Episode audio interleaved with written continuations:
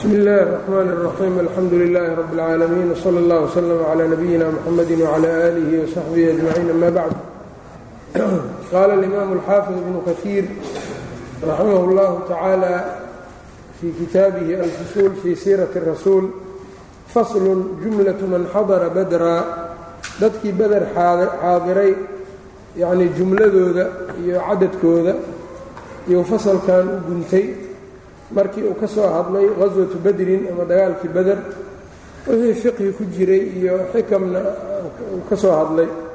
Ayb waxa uu yidhi min almuslimiina muslimiinta waxaa ka xaadirtay yacnii xadara min almuslimiina muslimiinta waxaa ka qayb gashay beder alaaثumi'atin wa bidcata cashara rajulan saddex boqol iyo dhowr iyo toban nin min almuhaajiriina muhaajiriinta sittatun lix iyo sittatun waamaanuuna siddeetan iyo lix rajulan min rajulin baa ka xaadirtay.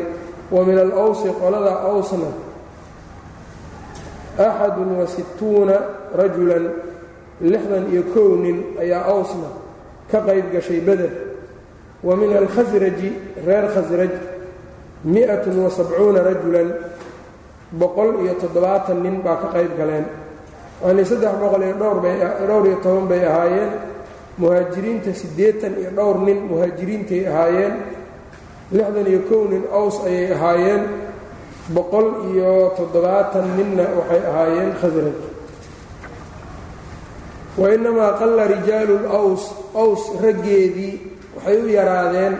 Can cadadi alkhasraj reer khasraj tiradooda waxay ugaga yaraadeen wain kaanuu haba ahaadeen iyagu inkastoy ahaayeen ashadda minhum kuwa ka adayg badan wa asbara kaga adkaysi badan cinda alliqaa'i cadowga la kulankiisa agtooda. Aws iyo khasraj aws ayaa aad ugu darnayd. Cadowga inay u sabraan oo la sabartamaan. Iyagoo haddana sidaa ay tahay bay tiro yaraayeenoo khasraj baa ka tiro badneed. Lianna manaasilahum maxaa yeelay aws meelihii ay degganaayeen kaanat fii cawaali lmadiina madiino mee shishadeeda ayay ahayd. Yani madiino meel cawaali lmadiina bay deganaayeenoo madiino meesha ugu shishaysay deganaayeen. Ayb. Falamaa nudibuu ila alkhuruuji dadka bixitaan markii loogu yeerayna tayasara daalika arrinkaa wuxuu u fududaaday cala alkhasraj khasraj bay u fududaatay liqurbi manaasilihim dhowaanshada guryahoodu ay dhowaayeen darteed marka meeshii iyagaa masaajidka ka ag dhowaa nebiguna markii uu dadka u yeedhay intii dhoweyd unbaa soo baxday. Ninkii meel dheer deganaa ma hadalka ama khabarkaba ma gaarin. Marka sidaa ayaa aws looga batay maahane? Ma ahan iyagu inay ahaayeen dad iska yacnii bal aws iyo khasraj labadaa qabiil ee ansaaray ka koobnayd aws ayaa dagaalka ku darnayd oo aad geesiyaal ugu ahaa. Ayb intaabaa marka ibnu kaiir uu cudurdaar uga dhigay muhaajiriin iyo ansaarna intaa saasay uga kala qayb galeen dagaalkii beder waxa si gaar ahaaneed marka loogu xusayana waxay tahay de fadliga ay leeyihiin dadka ahlu beder waqad ikhtalafa a'immatu lmaqaasi duulaamada nebiga a'immada ka hadashay way isku khilaafeen wasiyar iyo siirada a'immadooda fii ahli badrin reer beder iyo fii ciddatihim tiradooda yacnii tiradooda iyo yaa beder ka qayb galay. Dad laysku khilkhilaafay waa jiraa oo bacdi alculamaa ay dhaheen waa ka qayb galeen hebel. Bacdi alculamaa maya kama qayb gelin. Wa fii tasmiyati bacdihim iyo qaarkood magacaabistooda ikhtilaafan bay isku khilaafeen ikhtilaaf kafiiran fara badan. Waqad dakarahu zuhriyu zuhri wou sheegay wa muusa bnu cuqba muusa bnu cuqba waa kitaabu lmaqaazi buu leeyahay waa imaamu اlbukhaari shuyuukhdiisuu sheekh u yahay wamuxamed bnu isxaaq bnu isxaaq bni yasaar moxamed bnu isxaaq saaxibu sir wamuxamed bnu cumar alwaaqidiyu wasaciid bnu yaxya bni saciid alumawiy fii maqaasiihi buu uga hadlay wاlbukhaariyu imaamu اlbukhaarina reer beder waa ka hadlayo kitaabu اlmaqaazi min saxiixihi imaamu اlbukhaari kitaabkiisa saxiixa ah waxaa ku jira kitaab la yidhaha kitaabu اlmaqaazi baabu qaswati badrin dagaalkii beder markuu ka hadlaayey ee uu dhammeeyey axaadiidkii beder ayuu wuxuu dabageliyey asmaa'u man xadara badran. Magacyadii dadkii beder xaadiray magacyadooda ayuu kadib ka hadlay. Saasaa marka imaamu albukhaarina tirada uu ugu soo daray. Saxiixiisa marka wixii beder ka qayb galayba isaga uu ka hadlay. Ayb weliba qaab xadiid camaloo uga hadlayo iyadoo axaadiid lagu sheegaayo ama lagu xusaayo ama la leeyahay can fulaan waqad xadara badran iyo kale iyo waxyaabahaas daliil u keenay. Wagayru waaxidin iyo mid wax ka badanoo min almutaqadimiina mutaqadimiinta ka mid ahna reer beder way ka hadleen.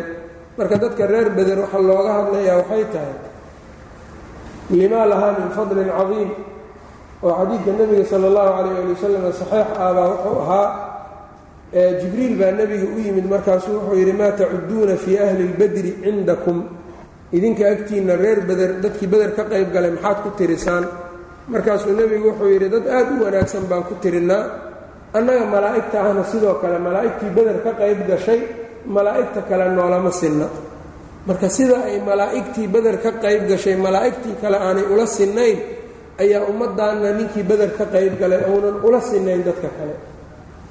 Xaatib ibn abi baltaca markay ka dhacday jaasuusnimadii uu sameeyey oo nebiga akhbaarta uu ka gudbiyey waa tii la yidhi marka cumar ou damcay inuu dilo oo uu yidhi yaa rasuula allah innahu munaafiqun waa mid munaafiq ahe dacnii adrib cunuqahu markaa nebiga waa tii uu yidhi marka lacala allaha alaca calaa quluubi badri wamaa yudriika ana allaha alaca calaa quluubi ahli badrin faqaala acmaluu maa shi'tum inii qad gafartu lakum marka mansab weyn darajo weyn iyo martabo aad u sarrayso iyay dadkan badriyiinta ay ummadda ugaga dhex jireen. Ayb iyo ilaahay agtiisada ayb walidaalika saxaabada marka fadligooda la xusaayo waxaa la yidhaahdaa khulafaa uraashidiin baa ugu fadli badan abu bakar uma cumar uma cusmaan uma cali. Kadib cashara almubashariin inta hartay lixda kale uma waxaa ku xiga badriyiinta. Saasaa marka loo xusaa iyaga ayb. Baycat lcaqaba dadkii baycadii baycat ridwaan dadkii nebiga la galay baa ka mida marka mashaahidda iyo goobaha nebiga lagala qayb galay macno aad u weyn bay dadka fadaa'ishooda iyo darajaadkooda ay ku yeelan jireen. Xadiid kalena wuxuu ahaa lan yelija annaara axadan baayaca lan yelija annaara axadun baayaca taxta shajara qof geedda hoosteeda xudaybiya axad nebiga la mubaayacooday ma jiro oo naar gelaayo ayb. In allaale intii kun iyo afartii boqol ee geedkaa hoostiisa kula mubaayacootay mid naar ay taabanaysa ma jiro nebiga sal l slam waqad fasalahum waa waxaa kala saarsaaray oo kala dhigdhigay. Kamaa dakartuhum sidii aan sheegayba oo aws intaasaa ka qayb gashay khasraj intaabaa ka qayb gashay ibnu xasmin ibnu xasmin fii kitaabi siirati lahu kitaab siiro uu leeyahay wazacama wuxuu sheegay ana amaaniyatan minhum sideed iyaga ka mida lam yashhaduu badran bader ma aynan ka qayb gelin bianfusihim nafsad ahaantooda wainamaa daraba lahum rasuulu llahi sala allahu calayh ali wasalam. Nebiga ayaa laakiin wuxuu u yeelay biashumihim saamigoodii haniimada iyagoo ka maqan dagaalkii ayuu nebiga saami u yeelay oo saamigoodii haniimada uu siiyey. Fadakara minhum kuwa wuxuu ka sheegay cuhmaanu wadalxatu wasaciid bnu zayd. Cuhmaan de isagu waaba saxeixo oo waa ka maqnaa dagaalkii beder laakiin wuxuu uga maqnaa nebiga gabadhiisa ruqaya ayuu qabay iyada ayaa jiranayd cid markaas xanaanaynayso hadduu isaga ka soo tago ma aysan jirin. Marka nebigaa iyada ku dhaafay oo la joog yidhi nin beder ka qayb galay saamigiisana nebiga waa siiyey.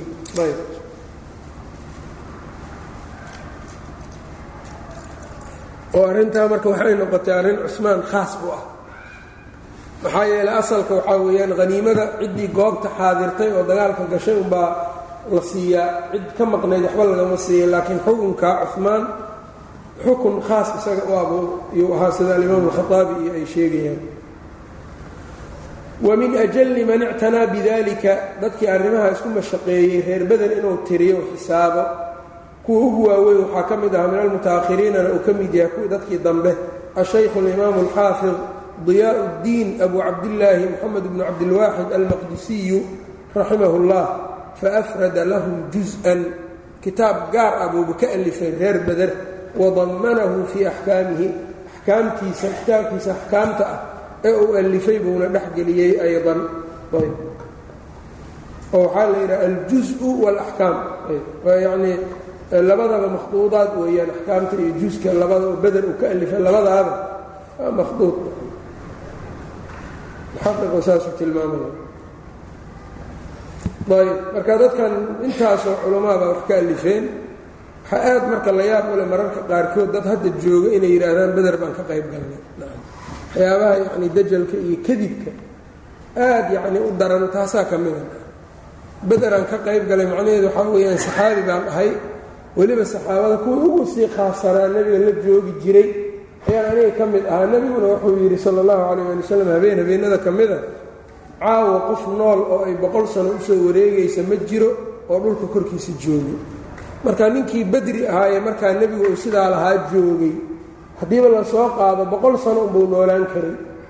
Wixii ka dambeeya binasin xadiid ma noolaa karan waxaan marka waa iska baanbaan iyo khuraafaad. Wa ama almushrikuuna fakanat ciddatuhum mushrikiinta tiradoodu waxay ahayd kama qaala calayhi الsalaam maa bayna tiscimia ila alfi sagaal boqol ilaa kun inta u dhaxaysay ahayd. Sida nebiguba yidhi wa qutila min almuslimiina muslimiinta waxaa la dilay yowmaidin maalinta arbacata cashara rajulan afariyo toban nin. Ayb sittatan lix min almuhaajiriinay ahaayeen wa sittatan lixna min alkhasraji baa laga dilay wahnaani labana min alaws.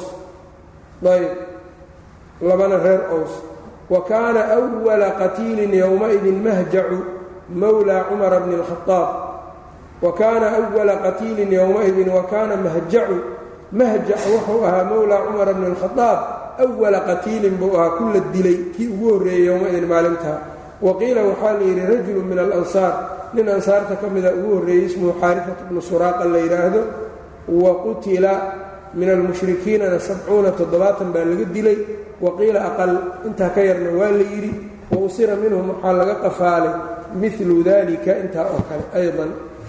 Wa faraqa rasuulu llaahi sala allahu calayh ali wasalam nebigu wuxuu dhammeeyey oo ka faaruq noqday min sha'ni badrin dagaalkii beder sha'nigiisa iyo walasraa iyo maxaabiista sha'nigooda fii shawaal bishii shawaal.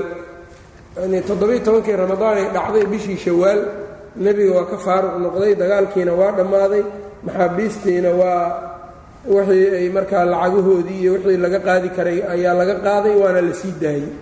Qaarna maxaabiista waa la dilay cuqbat bnu abi mucayd iyo waa kuwii la dilay iyagana iyo nadr bnu اlxaari ayb. Oo sidaaba marka nebiga uga yacnii faaruq noqday. Ayb faslun halkaa marka dagaalkii beder baa ku dhammaaday.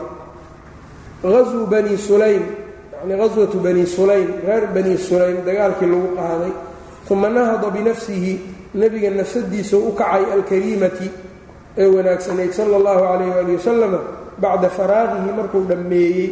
Uu ka faaruq noqday bisabcati yacni beder uu ka faaruq noqday bisabcati ayaamin toddoba maalmood markuu ka faaruq noqday. Kadib beder nebiga waa hinqaday oo waa kacay yaqsuu isagoo duulayo bani sulaym isagoo ku duulayo famakata alaaan saddex maalmood buu meeshooda joogay uma rajaca waa soo laabtay walam yalqa xarban wax dagaalana lama kulmin. Waqad kaana istacmala cala almadiinati magaalada madiine maamulkeeda wuxuu ku sii dhaafay sibaaca bna curfudah wa qiila ibna ummi maktuumna waa la yidhi. Ayb faslun haswatu sawiiq dagaalkii la magac baxay sawiiqa ayb sawiiqa waxaa weeyaan waa daangada ama yacni saloolka. Qofba sida uu yaqaano marka yacni markaa la tumo oo la shiido la qooyo ayaa markaa waxaa weeyaan sawiiqu kaas ayb walamaa rajaca abuu sufyaan abuu sufyaan markuu laabtay ilaa makata maka uu u laabtay wa awqaca allaahu ayb allana uu ku riday fii asxaabihi abuu sufyaan asxaabtiisa bibadrin dagaalkii beder uu ugu riday ba'sahu cadaabkiisa uu ugu riday. Yaa nadara abuu sufyaan abuu sufyaan wuxuu nadray allaa yamasa inuunan taabsiinin ra'sahu madaxiisa bimaa'in biyo xataa yaqsuwa rasuula allahi sal ly slam intii uu duulaan nebiga uga qaadayo. Nadarba wuxuu ku galay inaanu qubaysanin oo madaxiisa biyo taabsiinin ilaa uu la dagaalamo duulaan ku qaaday iyo guluf. Nebiga calayh isalaatu wasalaam fakharaja waa soo baxay abuu sufyaan fii mi-atay raakibin laba boqol oo gaadiid saaran laba boqol oo fuushan ayuu la soo baxay fanasala wuxuu degay darafa alcurayd meesha la yidhaahdo darafu alcurayd ayb waa waadi marka madiine ku yaal agtiisa ayuu degay wa baata leylatan habeen ayuu bariyey waaxidatan hal habeen fii bani nadiir saddexdii qolee yahuudda qolo ka mida ah banuu nadiir ayuu la baryey ou habeen la seexday cinda salaam ibni mishkam. Salaam ibni mishkam agtiisa ayuu ku baryey ayb.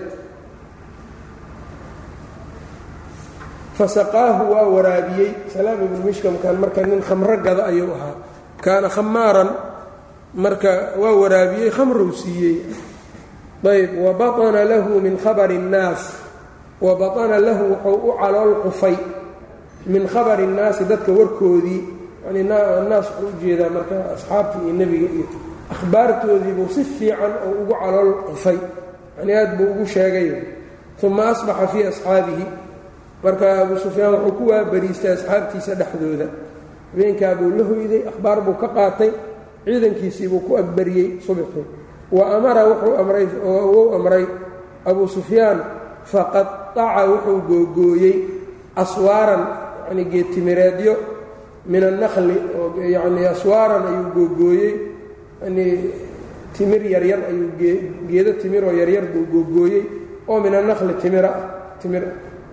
Waqatala rajulan nin buu dilay min alansaari ansaarta ka mida ayuu dilay iyo waxaliifan lahu. Nin isaga bahwadaag la ahaa uma kara raajican waana laabtay uma kara wuu noqday raajican isagoo markaa maka u laabanayo waa fiirfiiriyey dagaal wax weyn inuunan ku keenaynin buu arkay hal ninoo ansaariya iyo nin xaliifkiisii buu dilay geedaha timirtana waa ka jarjaray oo dadkii maadaama ay dadka muslimiinta ay lahaayeen wanadira bihi rasuulu llahi sala allahu calayh waali wasalama nebigii waa ogaaday nadira hunaa bimacnaa calima muxuu ogaaday ayuu ka digtoonaaday wanadira bihi rasuulu llahi sal l slam nebigii wuu ogaaday waana ka digtoonaaday. Fakharaja fii alabihi oo nebigu markaa dabcan waana ka digtoonaa wuna waa ogaaday arrinkii. Fakharaja wuu tegay nebiga sala allahu calayh waali wasalama fii alabihi abuu sufyaan ka dabategiisa iyo raadintiisa isaga iyo walmuslimuuna iyo muslimiintii baa baxeen fabalaqa wuxuu gaaray qarqarata alkudri meeshaa la yidhaha qarqarata alkudri. Ayb alkudri. Ayb yani waa mowdic magaceedu meesha kudri bannaankeeda bankeedii buu gaaray. Wafaatahu abuu sufyaan abuu sufyaan waa ka cararayo waa dhaaf uu ka tegey. Wاlmushrikuuna iyo mushrikiintii wa alqow waxay tuureen shay-an wax kaiiran fara badan oo min aswaajihim sahaydoodii ah. Abuu sufyaan markay ciidankiisi waa sii carareen sahaydoodii wax ka midana waa daadiyeenoo way tuureen. Min asawiiqi oo markaa salool ah daanga ayay iska tuureen iyagoo isfududaynaya fa waxaa lagu magacaabay tilka alghaswa yacnii duulaankaas ghaswata sawiiq. Saasaa loogu bixiyey duulaankii saloolka. Wa kaanat fii dilxija ayay ahayd min asanati yani sannadkii dilxija sanadii labaad bay ahayd markaa.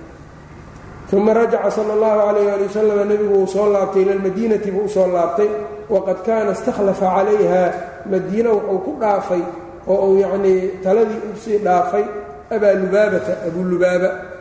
Ayb. Faslun taana marka haswatu sawiiq bay ahayd. Ayb. Faslun haswatu dii amr. Ayb. Uma aqaama sala اllahu calayh ali wasalam nebigu uu nagaaday baqiyata dilxija bishii dilxija intii ka harsanayd ayuu nebiga madiine joogay uma hazaa najdan najdi ayuu markaa u duulay yuriidu qadafaan isagoo qoladaa qadafaan rabo nebiga. Duulaamadan o dhan marka waa alab faaqaama binajdin buu markaa wuxuu yidhi wastacmala cala almadiinati madiinana wuxuu caamil uga yeelay cuhmaana bna cafaan. Faaqaama binajdin najdi ayuu joogay safaran bishii safar. Min asanati ahaaniya buu yani sanadii labaad waaba la soo dhaafay marka ayb ile beder baa waxay dhacday sanadii labaad ramadaan duulaankii hadda aan soo dhaafnay wuxuu dhacay dulxija dulxija waa sanadka bisha ugu dambaysa sanadii labaad bisha ugu dambaysay dulxijo ahayd iyaa nebigu uu dagaalkan qaswatu sawiiq iyo uu dhacay ayb tan marka bisha safar marka maxaa la galayna? Sanad cusubaa la galayna. Waa sana aalia weeyaan marka sanadkan. Ayb. Faaqaama binajdin ayuu nagaaday safaran bishii safar min asanati اaaniya yacni ay sanati sanadii kale ayuu ujeeda sanat اlra ama sana taaliya tii ku xigtay kullahu dhammaanteed. Uma rajaca waa soo laabtay walam yalqa xarban dagaal lama kulmin faslun qaswatu buxraan uma kharaja sala allahu calayh ali wasalam nebigu wou baxay fii rabiici alaakhir bisha rabiici alaakhir yuriidu qurayshan isagoo quraysh rabo wastakhlafa cala almadiinati madiina wuxuu uga tegay ibna ummi maktuum fabalaqa buxraana ayuu gaaray macdinan fi lxijaaz meel laga qodo macdanta iyo laga qodo god godqalin uu ku yaalay xijaaz godqal yacnii dhexdeeda ah ayuu gaaray uma rajaca waa soo laabtay walam yalqa xarban wax dagaalana lama kulmin. Kulli waxaad dareemaysaa marka hasawaadka nebigu madiine kama bixin ilaa maamul maamul ayuu u sii yeelaya ilaa intuu isaga joogo madiine maamulkeeda isagaa haayo markuu ka tegaayana qof buu maamul uga sii tegaya marka ummad maamul maamul la'aan hadday meel iska joogaan fawdo iyo dhibaato kama baxayaan diinka allana marka taa ka mid ma aha. Faslun gaswatu bani qaynuqaac dagaalkii reer bani qaynuqaac bani qaynuqaac waa yahuudday ka mid ahaayeen saddex qolay ahaayeen yahuudda saad ogtihiin banu qurayda banu qaynuqaac banu nadiir. Banu qaynuqaac baa ugu horreeyey wax nebiga ballanta uga baxo ayb. Wanaqada banu qaynuqaac reer bani qaynuqaac waxay guriyeen.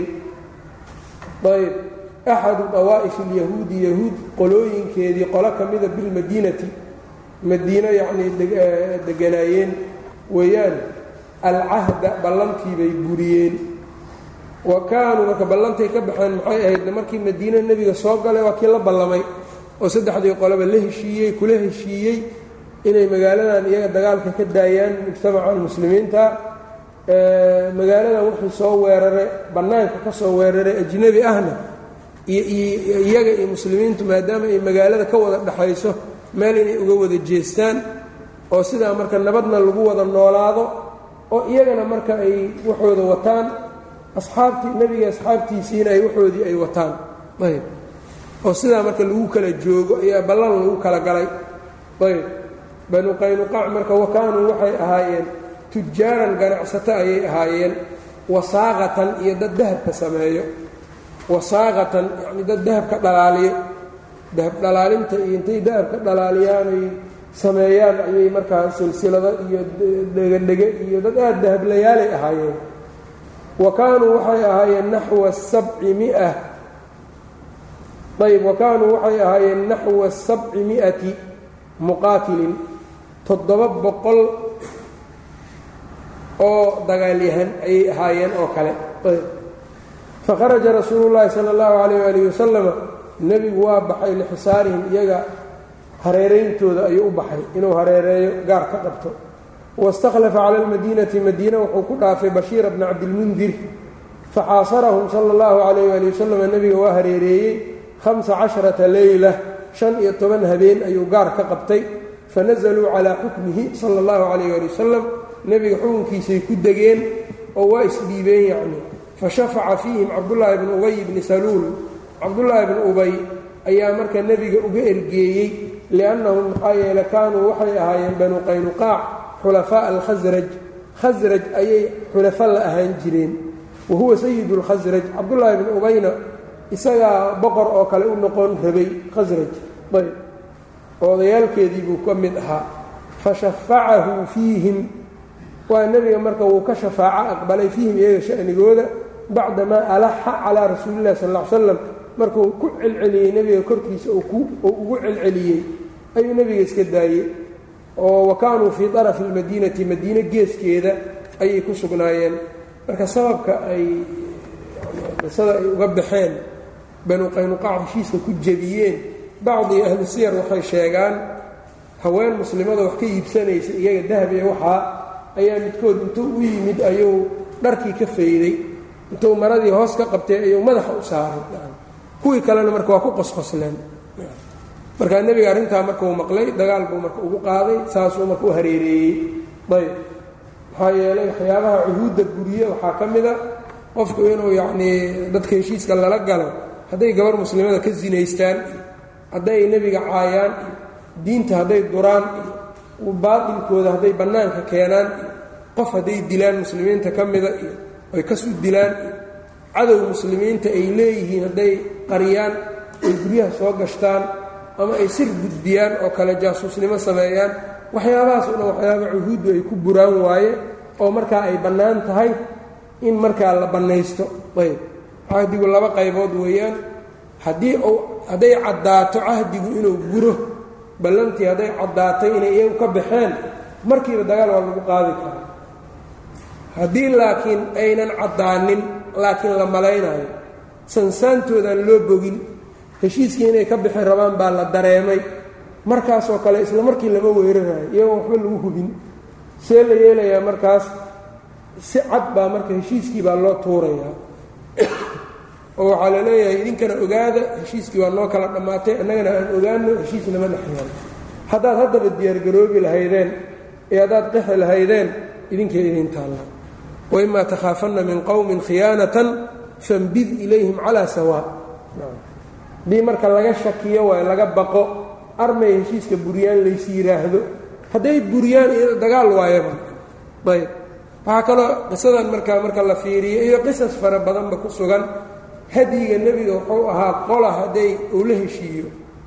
qoladii uu la heshiiyey dad ka mid a hadday heshiiska buriyaan kuwa kalena ay u aamusaan amaba ay taageeraan ayaga dhan isku wada xugun waayo ma la dhahaayo kii heshiiska buriyey keliya un halala dagaala maahane? Xukunka nebigu wuxuu ahaa dhammaantood inuu saa yeelayo quraysh buu ku sameeyey yahuudi baa ayuu ku sameeyey. Haddii laakiin qolo ay heshiiska ka baxdo qolo kalena ay yidhaahdaan war qoladan heshiiskii waa idinkaga baxeene ogaada annagana kuma jirno oy isberi yeelaan kuwaas waa la dhaafaa kuwaan baa la cuquubaynaa marka haadihi axkaamu rasuuli llahi sal ly slam fi lcuhuud heshiisyada nebiga axkaamta ku saabsan sidaas weeyaan. Waxaana aad uga hadlo alimaam ibnuulqayim kitaabkiisa zaadulmacaadka fawaa-iddaas badankeedna siirada ayuu ka soo bixiyaa. Ayb abu daawuudna fii sunanihi aad u faahfaahiyey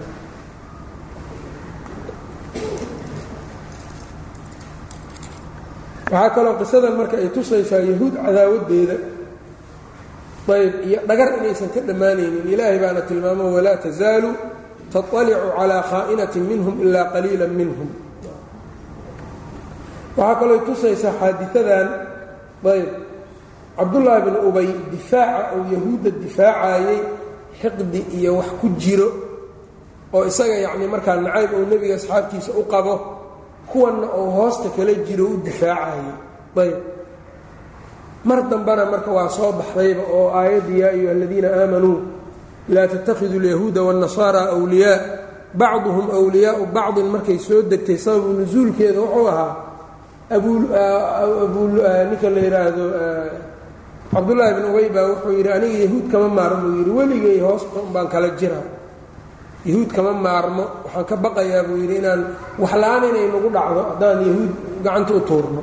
Ayb marka aniga yahuud xulafadayda waay waana jecelahay. Buu yidhi abulubaabana wuxuu yidhi amaa ana aniga alley rasuulkan doortay oo welinimadooda ayb alley rasuulkaa weli ayagaa ii ah iyo mu'miniinta yahuudna anigu waa ka tegey oo walaayadooda waa nacay.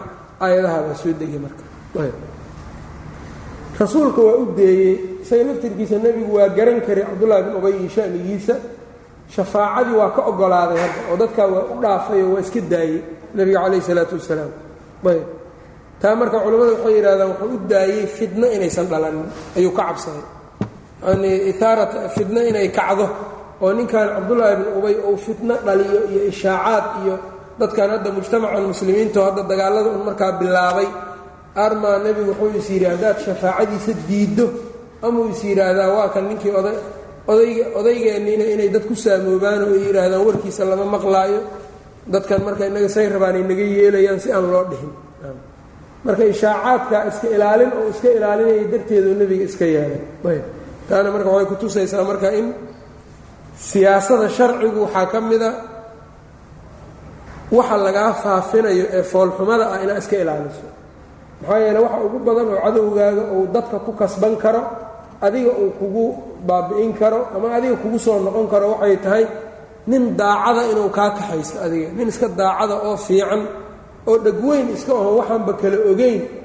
Haddii tasaruf adiga aad samayso intuu kaaga tago cadow biiriyo faa'iida maaha siyaasadda nebigana ma ahayn siyaasatu lkhulafaa'i araashidiinna sidaa ma ahayn. Ayb. Cumar iyo siyaasadiisu taas ma ahayn ayb. Waxyaabahaasaa marka laga qaadanaya marka qisadan faslun qatlu kacbi bni اlashraf alyahuudiy waxaa kaloo qisadu ay tusaysaa hal gabar oo muslimada oo la faraxumeeyo ama la dhibaateeyo in dagaal loo geli karo. Ayb.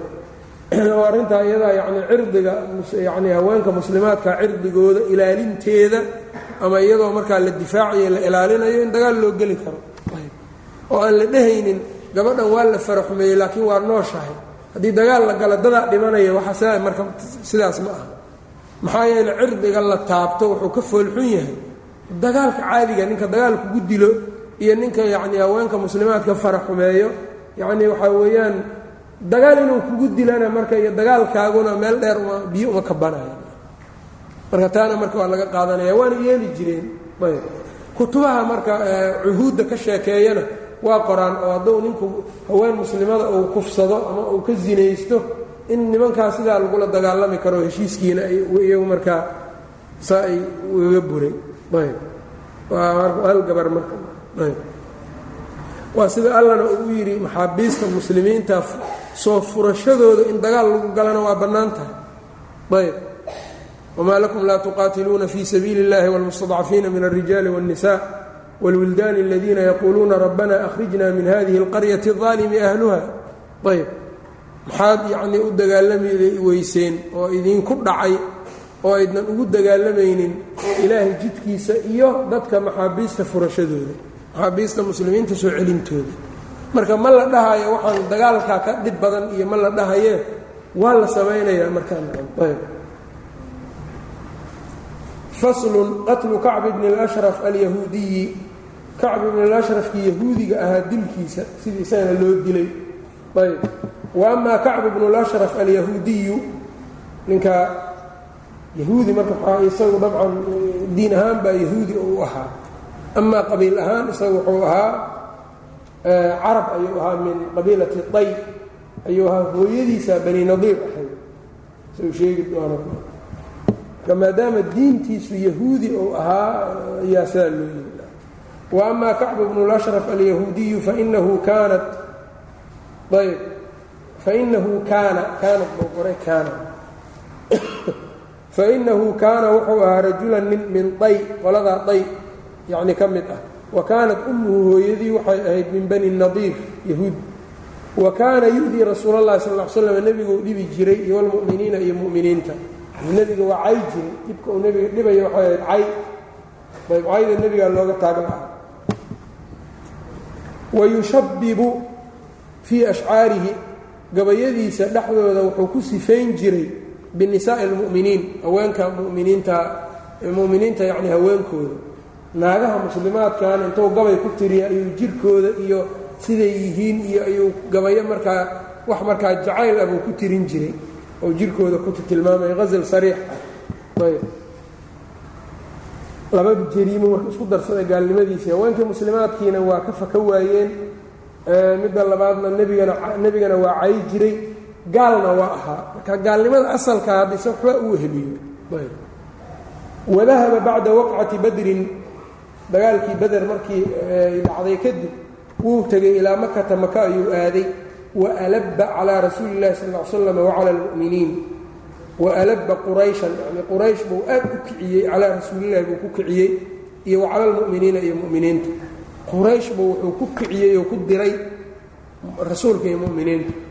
Marka ninka inta madiine ka baxay sidaana yeelay haweenka muslimaadka ay sidaa yeeli jireen nebigana cay jireen ninkaabuu ahaa kacbi bnu lashraf fanadaba rasuulu llaahi sala allahu calayh waali wasalama nebiga wuxuu u yeedhay almuslimiina muslimiintiibuu kiciyey ilaa qatlihi dilkiisiibuu ku kiciye o ku booriyey. Ayb oo faqaala waxa uu yidhi man likacbi bni اlashraf kacbi bni اlashraf yaa iskale yani dilkiisa yaa leh oo soo dilo. Fainahu qad aada allaha warasuulahu alle rasuulkiisuu dhibay. Meeshan marka culimmada waxay u deliishadeen mas'ale fiqhi ah baa ku jirto. Mas'alada fiqiga waxay tahay cayda nebiga calayhi salaatu wasalaam ayaa xugun zaa'ida bay leedahay. Yani gaalo badan baa jireen nebigu ma dhihin hala soo dilo. Gaalo isaga dagaal uga hor timid baa jirtay. Yahuud badan baa magaalada madiine ku noolayd. Nebigu ma dhihin ordaha baxa yahuudda soo laaya taad yacnii u gaatantaan gaadmo ku wada dila. Ma aanu dhihin rasuulka sal l slam ninkan laakiin kacb ibnulashraf gaadmaha lagu dila nebiga muxuu u leeyahayna fainahu qad aada allaha warasuulahu iidaau llaahi warasuulihi dhibka ou alle rasuul dhibayo gaalnimadiisa yacnii weheliyo yani gaalnimadiisa isaga waxaa u dheer dhib alle rasuula u taagan yahay fa'na waa la geliyey xukunkan tacliilow tusaa marka jumlada dhanaa jumla tacliiliya ah yacni xukunka dilkiisaan cillo waxaa u ah iidaa ullaahi warasuulihi walidaalika dadka nebiga caayo in la dilo waayo xukunkooda. Si allaale sidii lagu dili kara in lagu dilo. Ayb. Maxaa yeeley kufrigooda waxaa u wehliyo sabru rasuul iidaa ullaahi warasuulihi gaalnimadooda marka waxaa weeyaan gaalnimo iyo ziyaado. Ayb. Xadiidkan marka waa axaadiidta aad mas'aladaa loogu deliishado waa. Qof madax ah ama xaakim ah oo arrintan ridi kartana ma jirto dee yacnii nebiga la caayo isaga waa cafi kari markuu noolaa laakiin isaga markuu dhintay kadib nin nebiga caydiisa ku dhiiraday qofka markaa talada haayo waajib waxaa ku ah oo uusan cafin karin qofkaa inuu dilo. Xataa haddii uu towbad keeno hadduu gaal ahaa xataa hadduu muslimo. Muslim hadduu ahaa waa ku gaaloobaa nebiga caydiisa. Haddii uu yidhaha diintii waa ku soo laabtay aniga waa towbad keenaya hallay daayo. Towbadiisa isaga iyo ilaahay waa anfacay laakiin xadduhu waxaa weeyaan qatli waa in la dilo. Si kale male ayb. Gaal haddii uu ahaana ma la dhahaayo war gaalay awalba ahaayeen nebiga maba rumaysnayna dhib male ma la dhahaayo maxaa yeele fa innahu qad aada allaha warasuulahu wain nakasuu aymaanahum min bacdi cahdihim waطacanuu fii diinikum faqaatiluu a'immata alkufri inahum laa aymaana lahum. Lacallahum yantahuun. Faqaatiluu a'immata alkufri waxay ku noqdeen cayda nebiga ay waxay ku mutaysteen inay imaamiye ku noqdaan gaalnimada cayda nebiga iyo wixii sidaasoo kale ah ee markaa la mida ayb. Qisadan marka kacbiblashraf waa taas. Naag addoon ahaydoo waxaa jirtay nin muslimiinta ka mida ou lahaa oo ilmo u dhashay. Indhool buu ahaa ninka. Umwalad bay ahaydoo yacni ilmuu ka dhaydo addoona buu ilmo ka dhalay. Habeenuun markaa mar walbaa nebigay caayi jirtay nebigay cayn jirtay markii dambe intuu soo qaatay waran uu soo taataagsaday ayaa marka iyadii uu la kor yimid habeenay ahayd xabadku inta ka saaray ayuu kula istaagay. Xooggiisii iyo culayskiisiibuu la koray. Markaasuu dhabarka ka dhex bixiyey rasuulkaa loo sheegay calayhi salaatu wasalaam markaasuu wuxuu yidhi ishhaduu markhaati ka noqda anna damahaa hada ow kamaa qaala sal l slam dhiiggeedu waa dhiig aan cid isku qabsanaysaa jirina ogaada. Ayuu yidhi nebiga calayh isalaatu wasalaam taana marka waxaa laga qaadanayaa qofka nebiga caaya hadday naag tahay in la dilaayo oo naagnimada wasfi lagu dhaafaayo aan ahayn.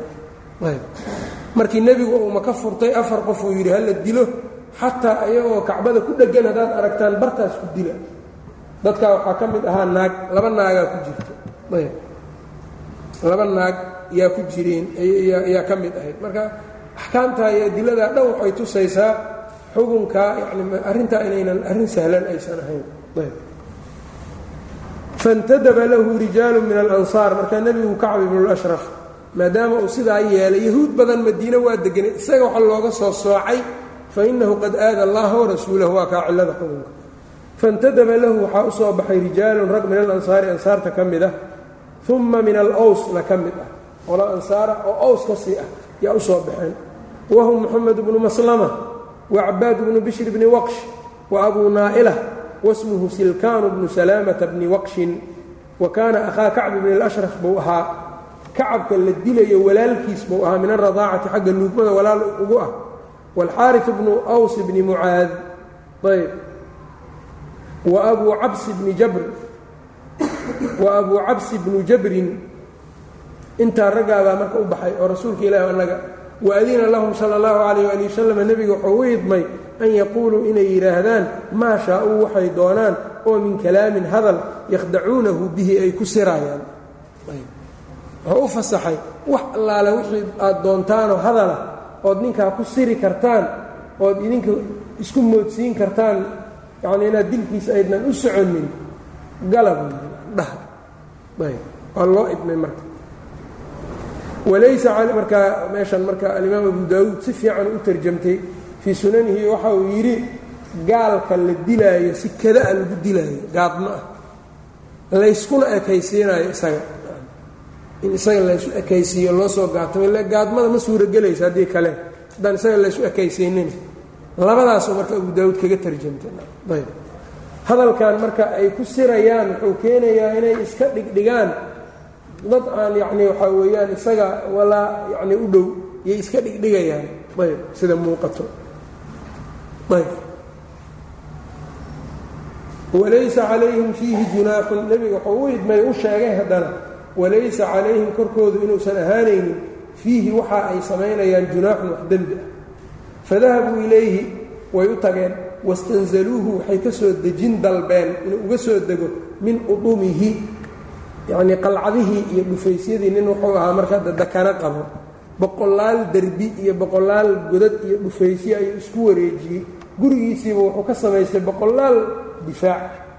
Halkaabay marka ka soo uga yeereen. Ayb. Adduunkaa marka ciriiri ku noqdo qof rasuul caayo ama nebi wax ka sheego ama dadkan yacnii diinka wax ka sheego gaalada kale waxaa laga yaabaa inay iska nool yihiin iyagoon cabsi qabinoo meel walba iska maraan laakiin qofku markuu nebiga caydiisa gashto fara gashto ama qur'aanka ama yani waxaad arkaysaa adduunku inuu cariiri ku noqonayo kuwan hadda nebiga wax ka qorqoro caayo ciriiri unbay ku nool yihiin. Dhaqaalo badan baa ilaaliskooda ku baxo. Boqolaal derbi boqolaal kaamaro. Yacnii nolol dhib badan meeshuu doono ma tegi karo. Waana marka yacni kufri aad iyo aad u foolxun waay waana dulloobaa qofkaas oo kale. Ayb hadduu muslim hore u ahaa jirayna dullinimo u dambayso masr baa waxaa ka dhacay sheekh axmed shaakir. Axmed shaakir baa wuxuu kitaabkiisa kelimatulxaqa ku dhigay. Wuxuu ka sheekeeyey qiso masar ka dhacday xilligiisii. Wuxuu yidhi melik faaruuq boqorkii faaruuq markuu masar ka telinayo yaa nin daaha xuseyn la dhihi jiray oo dadkan adabka suugaanyahanada ah ayuu wax garab qabtay oo wax baray waxbarashadiisii iyo faransiisku u diray. Waxbuu adigu u qabtay ninkaa indhoolka maalin unbaa marka nin khadiib ahayo masjidka ka qudbaynaya waxaa dhinac ka soo galay masaajidka boqorkii faaruuq markuu boqorkii u jeedayba dee ninkan boqorkau shilimaad ka rabaa inuu ammaanuu rabaa. Ammaantii boqorkaa waxaa la gashay marka nebigu inuu meel ka dhacyo ku sameeyo. Oo wuxuu yidhi marka cabasa wamaa tawallaa yacnii maa cabasa wamaa tawallaa an jaa'ahu alacmaa ninkii indhoolaha ahaaye daaha xusein markuu boqorkan u yimid ma u weji tubin ma uunan u weji cabuusin kama jeesanin bal waa u dadaalayo waa u naxariisto waxbuu u qabtay. Hadalkaas marka muxuu tusaana tacriid iyo sarbeebaa ku jirta.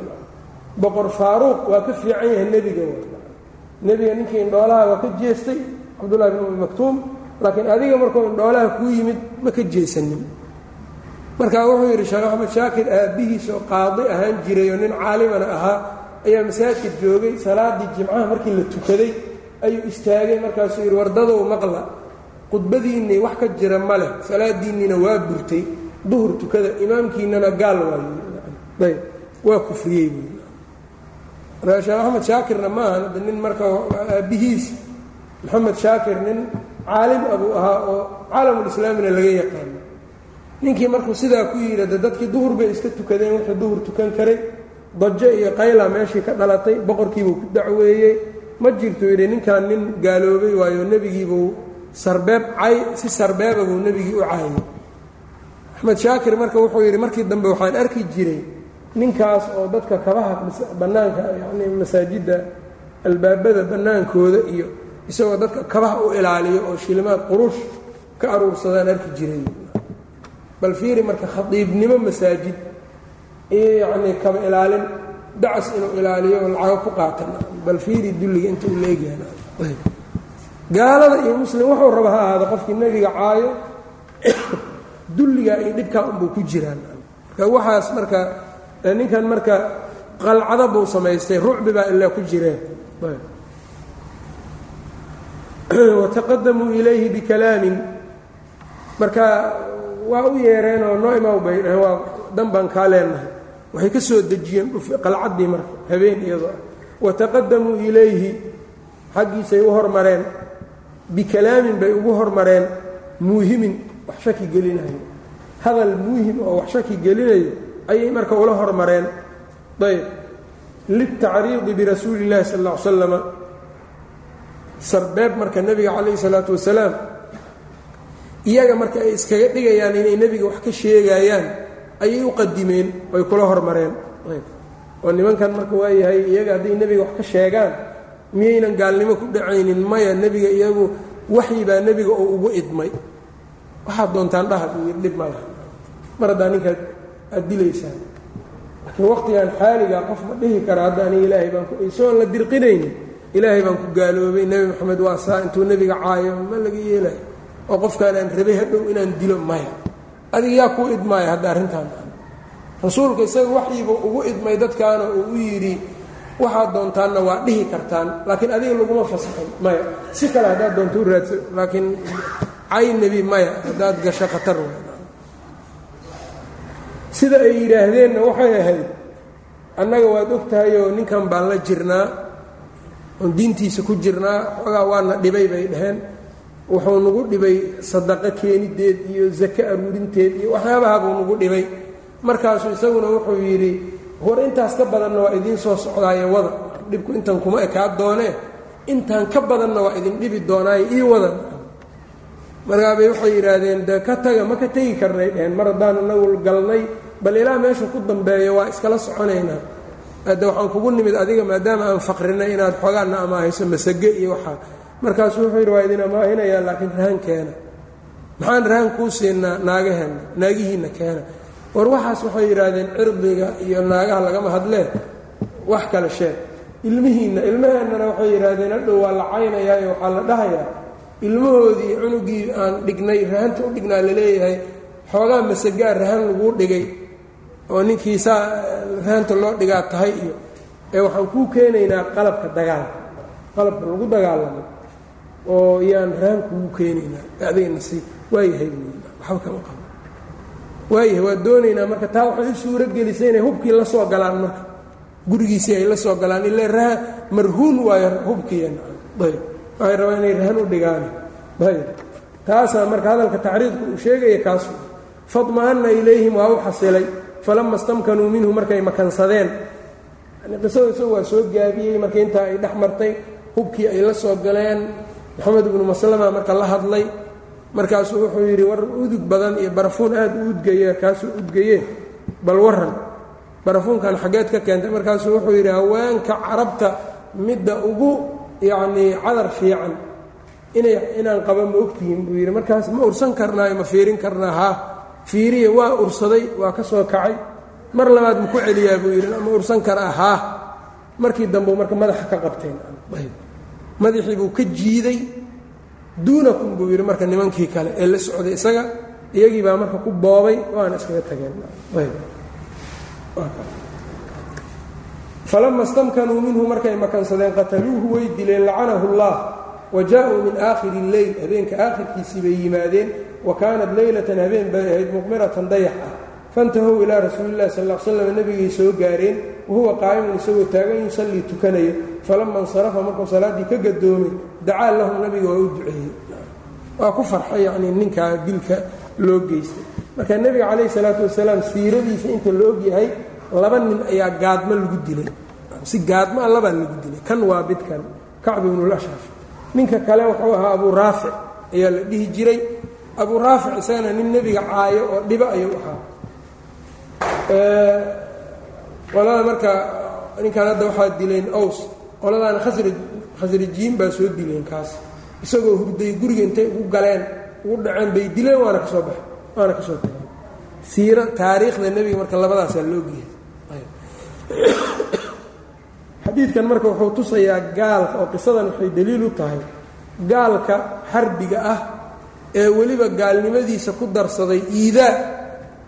Muslimka oo markaa dhib muslim hor leh ku darsaday inay bannaan tahay gaadmo in lagu dilo. Ayb. Kaasaa marka xadiidkan ayaa qisadan laga qaadanaya waana qiso bukhaari iyo keyrkii ay warinayeen. Ayb. Oo imaamu lbukhaari baabu lfatki biahli اlxarbi ayuu baab uga dhigtay o waxaa kaloo laga qaado xadiid kalea marka isaga jiro. Ayb. Xadiid kaleo waxaa soo arooray abu daawuud baabkan oo hadda yacni gaalka in si kadis ah si gaadmaa lagu dilo laba xadiidoo baabkaa hoostiisa ku dhigay. Xadiid kan wa oo tusaayo inay bannaan tahay. Xadiid kaloo ka daba keenay uu leeyahay nebigu sal ll ly slam aliimaanu qayada alfatka. Iimaanku wuxuu xiray gaadmo in wax lagu dilo. Aliimaanu qayada alfatka laa yaftiku mu'min qof mu'min ah gaadmo waxba kuma dilo. Sir iyo gaadmo waxba kuma dilo qof mu'min ah. Labada xadiid marka kayfa aljamcu? See loo jamcinaya marka labada xadiid kanna wuxuu tusayaa inaynan bannaanayn kanna inay bannaan tahay buu tusayaa. Labadii xadiidna imaam abu daawuud waa isku daba dhigeen. Bacdi shuraax waxay yidhaahdeen kan dambe oo aliimaanu qayada alfatka oo abu daawuud iyo imaam axmed ay warinayaan baa dambeeyey taariikh ahaan nebigana labadaa nin unbaa laga hayaa abu raafic iyo kacb ibnu lashraf inuu yacni sidaa in lagu dilo ou amray. Kanaana ka dambeeyey naasikh weeyaan midkan kuwanna waa la nasakhay oo labadaas waaqico bay ku ekaayeen. Nuuridiin asindi oo musnadka sharxay abu daawuudka sharxay sidaas isaga u towjiihiyey labada xadiid. Laakiin daahirka sida culammada badankood ka muuqato labada xadiid in iyadoo naski la sheega nin baa la jamcin karaa. Sida lagu jamcin karaa waxay tahay qofkii sidii kacb ibnulashraf oo kale ah oo yacni ama nebiga caydiisa ama yacni dhib zaa'id ah oon loo adkaysan karin gaalnimada ku darsado in gaadmo lagu dilaa bannaan tahay iyadoo xadiidkan la deliishanayo kan kalena markaa wuxuu tilmaamayaa wixii aan sidaa ahayn daydan iyo shaqo in laga dhigta ayb oo yacni shaqo in laga dhigto yani qofka mu'minkaaba uu noqdo waxa uu wax ku dilo dhanba inay gaadmo iska noqdaan. Ayb kaa dambe marka macnahaasaa lagu xambaarayaa qof qof sidan oo kale ahna inay bannaan tahay. Taasaanad mooddaa inay ugu dhowdahay waxaa laga hadlaya dhammaanna culimmadu u baabaysanayaan waa kaafir xarbi ah oo isagu marka gaalnimadiisu dhib u weheliyo wixii aan marka intaa wixii ka sokeeyo hadda awalba dilkiisu ma bannaanayn xaaraanay ahayd saasayna baaqi ku tahay mar walba. Ayb wa kaana alxaari bnu aws qisadan marka imaam ibnu xajar isagu qisada abi raafic culummo qaarkood buuba wuxuu ka sheegay mas'ale aad u adagba oo wuxuu yidhi bacdi ahlilcilmi baa xadiidka abi raafic waxay u tawjiihiyeen gaalka isagoo hurdo in la dilo yacnii dacwo inay gaartay inaynan gaarin. Kadib haddana hadday dacwadii gaartay inuu muslimay iyo in kale maxaa lagu garan karaa nin iska hurdaayan bacdi ahlilcilmi baa taas keeneen buu yidhi marka xilligii rasuulka isagoo hadduu cid amroo fulaan dila yidhaahdo taas waxyi baa jirayoo nebigaa un markaa waxyigiisa wax lagu dilaaya laakiin bacda rasuul wuxuu ka muujiyey marka adaygaas calaa kullin marka nebigu wax dilkiisu waxaa qaalib ahayd oo ku badnaa dagaal foolka fool. Iyo inuu gaalada saa marka yani uu dilo iyo wixii maxbuus la soo qabtoo la dilo iyo waa jiri jiray.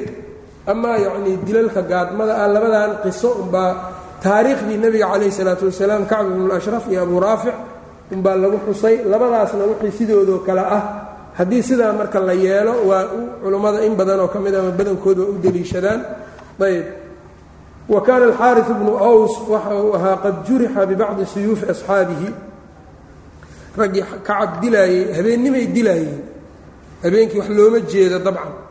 Alxaari bnu aws wuxuu ahaa qad jurixa in la dhaawacay bibacdi suyuufi asxaabihi asxaabtiisa seefahooda qaar ka mida lagu dhaawacay.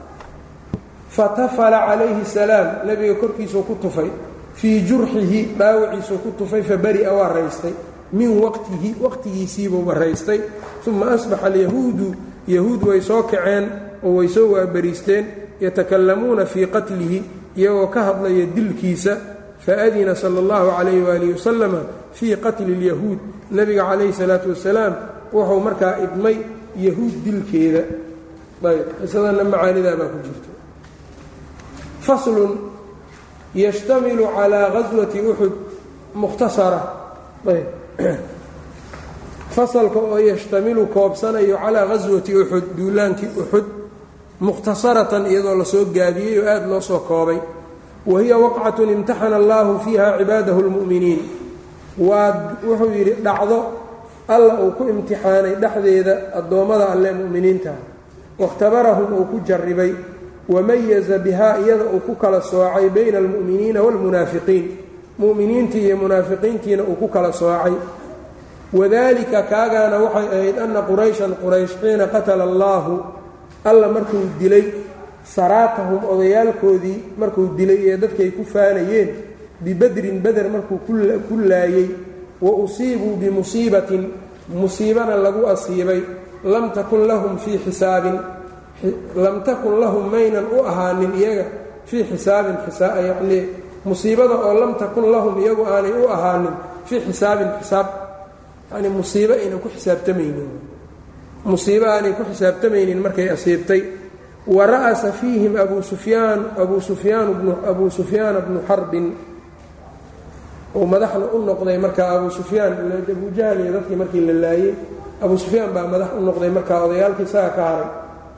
Licadami akaabirihim dadkoodii waaweynaa weytadoodii darteed wa jaa-a waa yimid kamaa dakarnaa ilaa aطraafi اlmadiinati madiina yacni gaararkeedana uu yimid fii qaswati sawiiq walam yanal aanu gaarinna maa fii nafsihi nafsadiisa wixii ku jirayna uusan helin.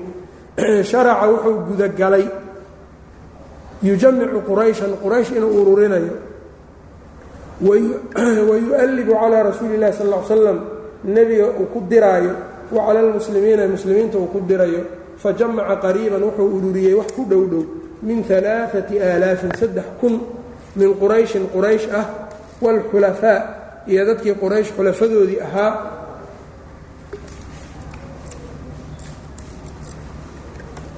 Iyo walaxaabiish dadkii axaabiishta ahaa. Axaabiish waa jamcu xubshiyin waa buur maka hoosteeda ku taallo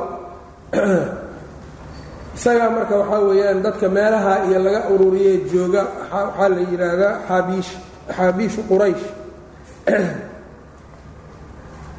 Ayb waa jabalun biasfali maka yuqaalu minhu sumiya axaabiishu quraysh. Ayb isagaa loogaga magacaabay. Wa jaa-uu binisaa'ihim naagahoodii bay la yimaadeen lianlaa yafiruu saysan u cararin. Uma aqbala bihim naxwa almadiinati wuxuu soo qaabilsiiyey madiine xaggeeda ayuu kula soo jeestay saddexdaa kun. Fanasala wuxuu degay qariiban min jabali uxud buurta uxud meel u dhow bimakaanin yuqaalu lahu meel la yidhaahdo caynayn. Wadalika fii shawaal min asanati اhaalita shawaal bay ahayd sanadii saddexaad. Wastashaara rasuulu llahi sala allahu calayh waali wasalam asxaabahu. Nebiga wuxuu la showray uu la tashtay asxaabtiisa siday ahayd yacni hadyigiisu siduu ahaa ayakhruju ilayhim inuu u baxaayo am yamkutu fi lmadiinati ama inuu madiine ku nagaanayo magaalada.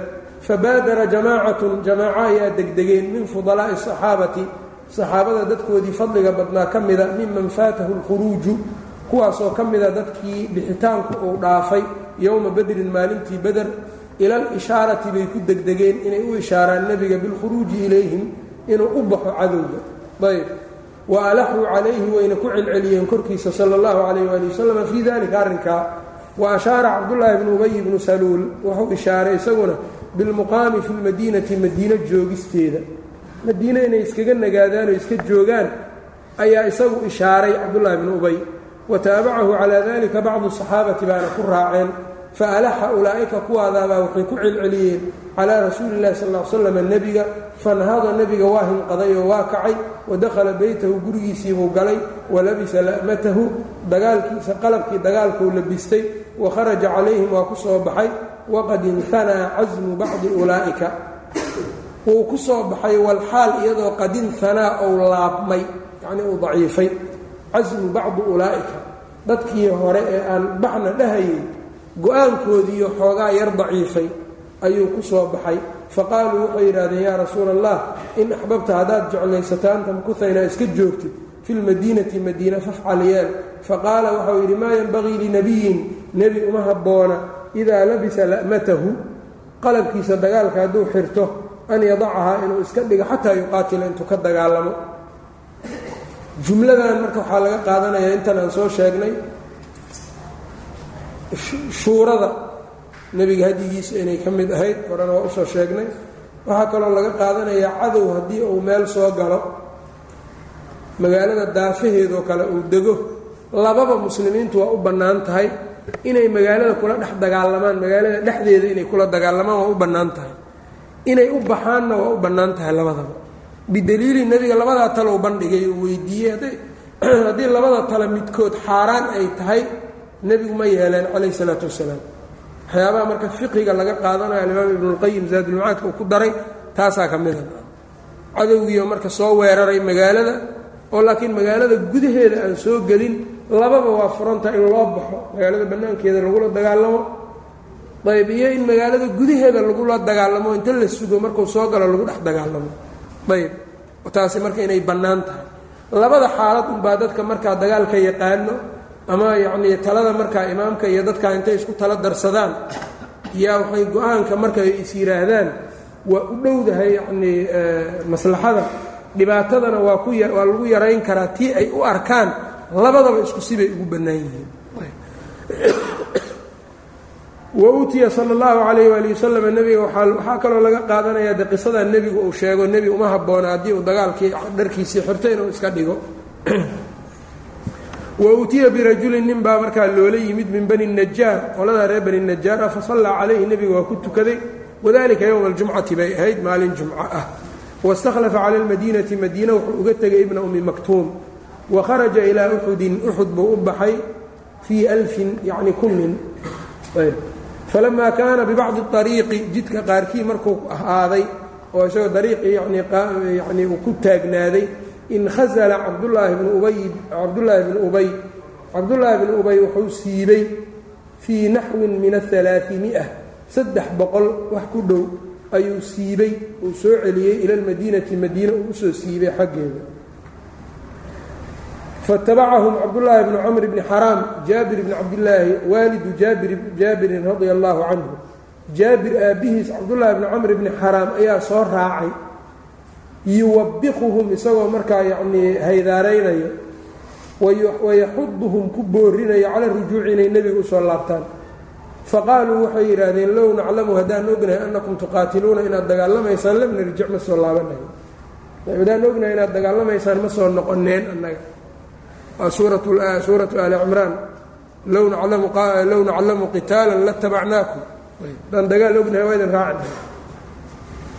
falamaa abow calayhi markay ku diideen rajaca canhum waa ka soo laabtay wasabahum aad buuna u haydaareeyey u eedeeyey u caayey ayb labadaa marka qoladaa marka uluuljeish buu la soo laabtay cabdullahi bnu ubay laba qoloo ansaarta ka midana bani xaarifa iyo bani salimana waxay ku dhowaadeen inay iska laabtaan ilaahay baa markii dambe sugay waa ka ilaahay uu leeyahy hama طaa'ifataani minkum an tafshalaa wallaahu waliyuhumaa laba qoloo idinka mida waxay ku dhowaadeen ay hamiyeen inay laabtaan.